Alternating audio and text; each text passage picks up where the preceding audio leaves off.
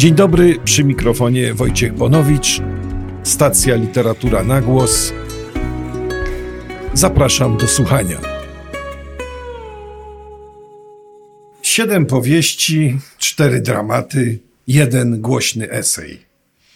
Do tego kilkadziesiąt drobniejszych, rozproszonych tekstów, głównie wygłaszanych przy różnych okazjach wystąpień, wspomnień i recenzji.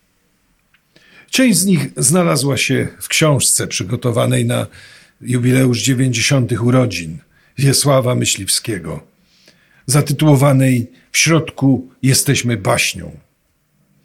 Pisarz zamieścił w niej też kilkanaście wywiadów, wybranych spośród tych stosunkowo niewielu, jakich udzielił w ciągu ostatnich 30 z górą lat.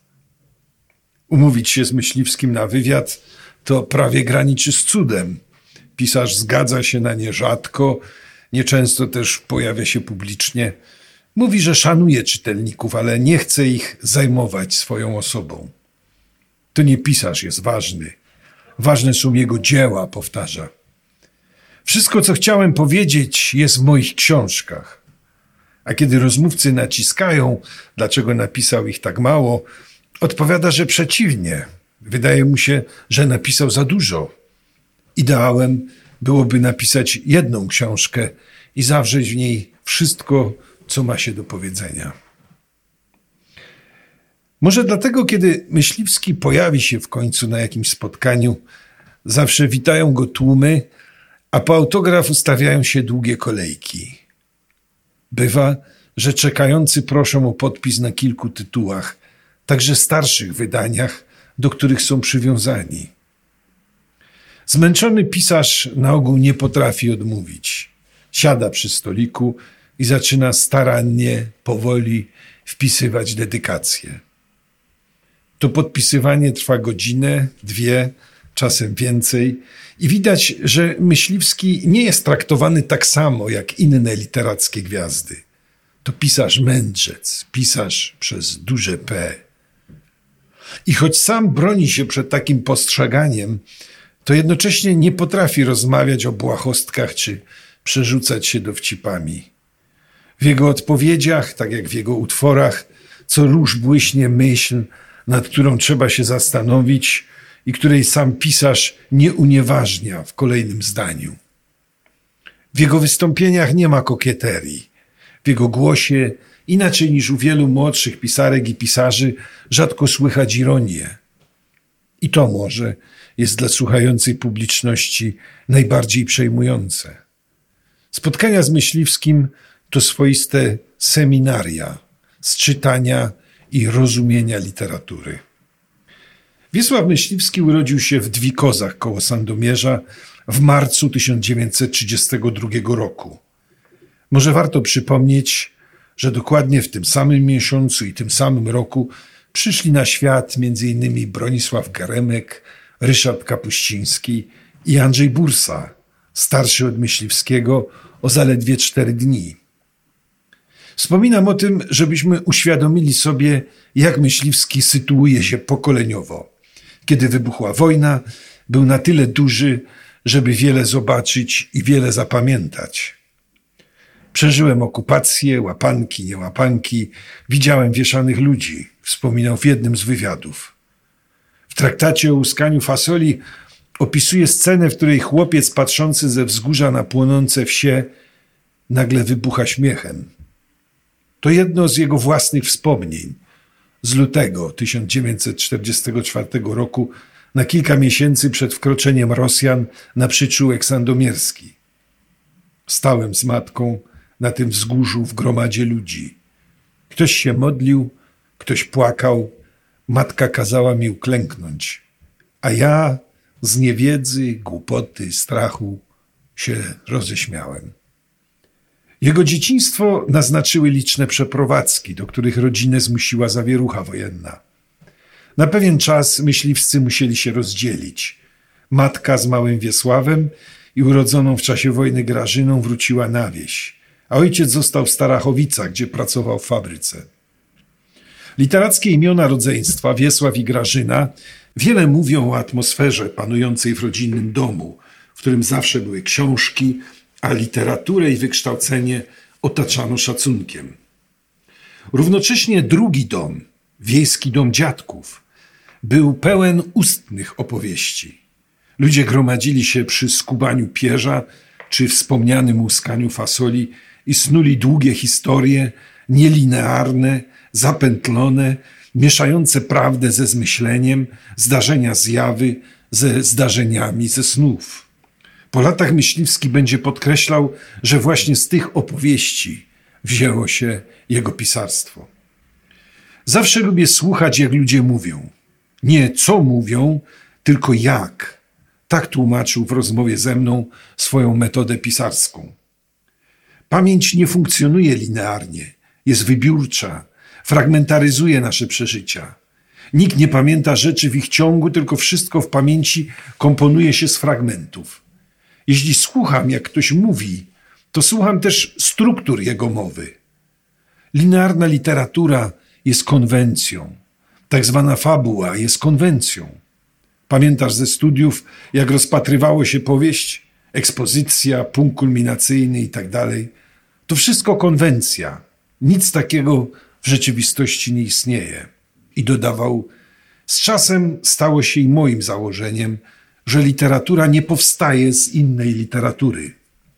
Mieszkałem na przemian to na wsi, to w mieście, więc nasyciłem się różnymi mowami ludzkimi. Najwięcej tej chłopskiej mowy nasłuchałem się do trzeciego roku życia i nieco później, gdy po śmierci ojca zamieszkaliśmy już na stałe na wsi. Ojciec, weteran wojny polsko-bolszewickiej, chorował na serce. Zmarł w lipcu 1945 roku, kiedy, jak mówił po latach syn, nie wypadało już umierać.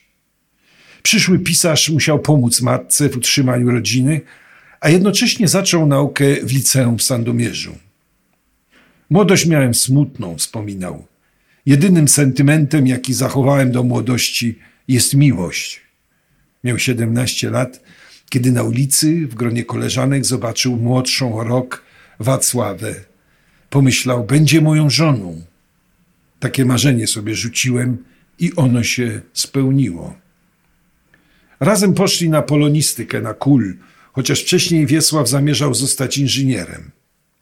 Jeszcze w trakcie studiów udało mu się dostać pracę w Warszawie, w Ludowej Spółdzielni Wydawniczej. Przyszedłem do wydawnictwa, które było straszne, opowiadał. Ale byłem dobrze wykształcony, normalnie, a ludzie, którzy kończyli polonistykę na innych uniwersytetach, byli nasiąknięci marksizmem. Zobaczono, że przyszedł młody człowiek, nie ma jeszcze 24 lat, zna się na literaturze. Robiłem wrażenie. W 1958 roku zaproponowano mu kierownictwo redakcji literatury współczesnej. Zacząłem robić rewolucję w wydawnictwie, drukować debiuty, zmobilizowałem grafików i książki były pięknie wydawane, zdobywały nagrody. Pisać zaczął w tajemnicy przed innymi, nawet przed najbliższymi przyjaciółmi, jak krytyk Henryk Bereza. Nad pierwszą powieścią pracował kilka lat, by następnie spalić jej pierwotną wersję i w kilka miesięcy napisać nową.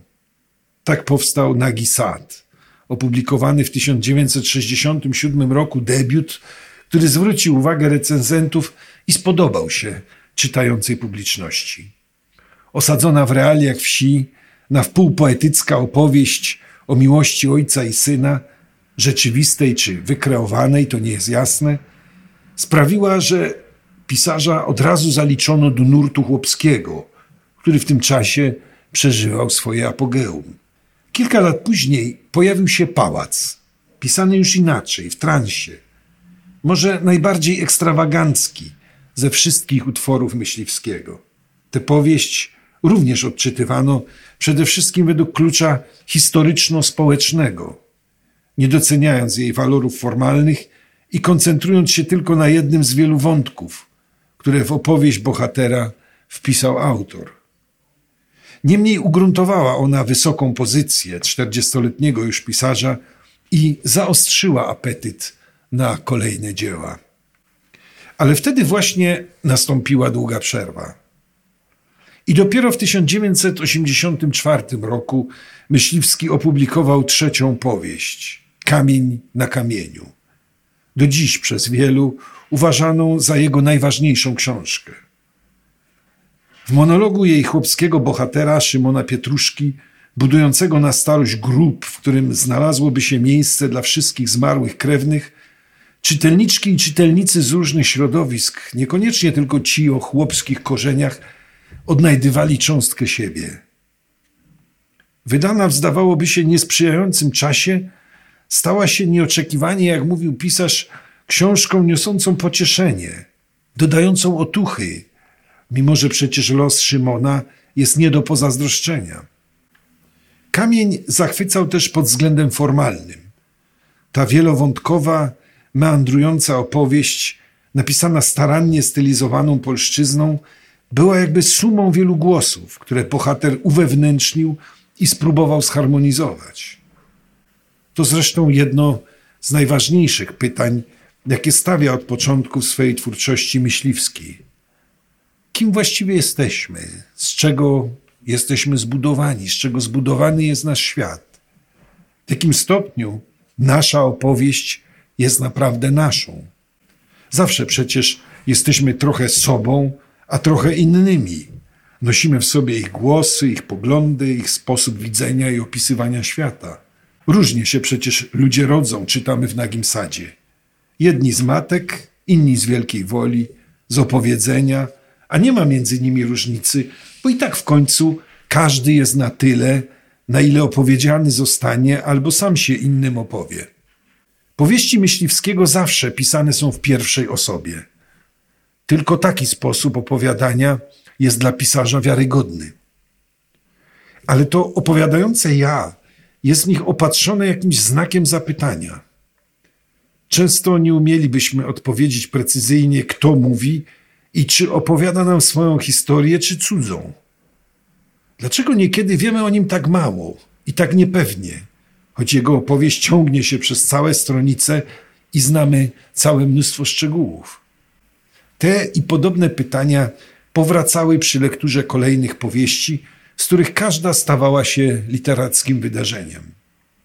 Najpierw był opublikowany w 1996 roku Widnokrąg, najsilniej oparty na wątkach osobistych, choć jednocześnie pełen tropów mających zmylić tych, którzy chcieliby go czytać jako literacką autobiografię.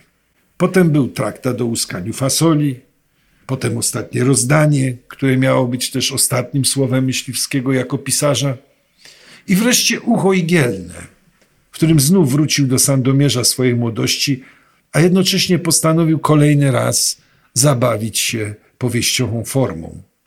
Zresztą każda ze wspomnianych powieści jest pod względem formalnym bardzo ciekawa, głównie ze względu na ustawienie podmiotu. W uchu igielnym ten podmiot się rozdwaja, ale i we wcześniejszych powieściach jego status jest zawsze podejrzany, a w każdym razie my, czytający, powinniśmy mieć go w podejrzeniu. Pisarz bardzo się broni przed otwieraniem jego powieści jednym kluczem. Wszystko jedno, generacyjnym, społecznym czy metafizycznym. Podkreśla, że tworzy literaturę języka, nie obrazu. I rzeczywiście, jeśli w czasie lektury jego powieści czytelnik nadmiernie koncentruje się na obrazach, na fabule, a nie na strukturze opowieści i mechanizmach języka, gubi coś bardzo istotnego, a sama powieść wydać mu się może w końcu zlepkiem przypadkowych, często urywających się nagle historii. W środku jesteśmy kipiącą baśnią, powiedział pisarz w jednym z wywiadów. Co znaczy, jesteśmy prawdą opowiadaną, opowieścią, która aspiruje do prawdy, która to, co się nam przydarza, interpretuje, a bywa, że i kreuje i w konsekwencji zamienia w los, czyli w coś, co ma sens, czym możemy podzielić się z innymi. Jeśli chcemy dojrzale czytać literaturę i w konsekwencji także dojrzale żyć, musimy pamiętać, że tak to właśnie się odbywa, rozumieć ten mechanizm. Obsypany licznymi nagrodami i tłumaczony na wiele języków pisarz zarzeka się, że każdy jego utwór był dla niego zaskoczeniem i po każdym musiał potem wyzdrowieć, żeby w ogóle móc jeszcze cokolwiek napisać. Więc kiedy czytelnicy na spotkaniach domagają się kolejnych powieści, pisarz broni się, że on już nic nie musi i powołuje na słowa, które usłyszał kiedyś od Juliana Przybosia i które wziął sobie głęboko do serca. Panie Wiesławie, pisarz, kiedy podejmuje zamiar napisania książki, powinien się zastanowić, czy na tę jego książkę warto będzie ściąć sosnę. Po opublikowaniu Ucha Igielnego Myśliwski oświadczył, że więcej już nie usiądzie do pisania. W planach ma jeszcze zbiorową edycję dramatów, które przejrzał i poprawił i które ukażą się prawdopodobnie w przyszłym roku. I to już naprawdę wystarczy, zapewnia i odsyła nas do wydanych dotychczas książek. Więcej sosen, mówi, nie będzie potrzeby ścinać.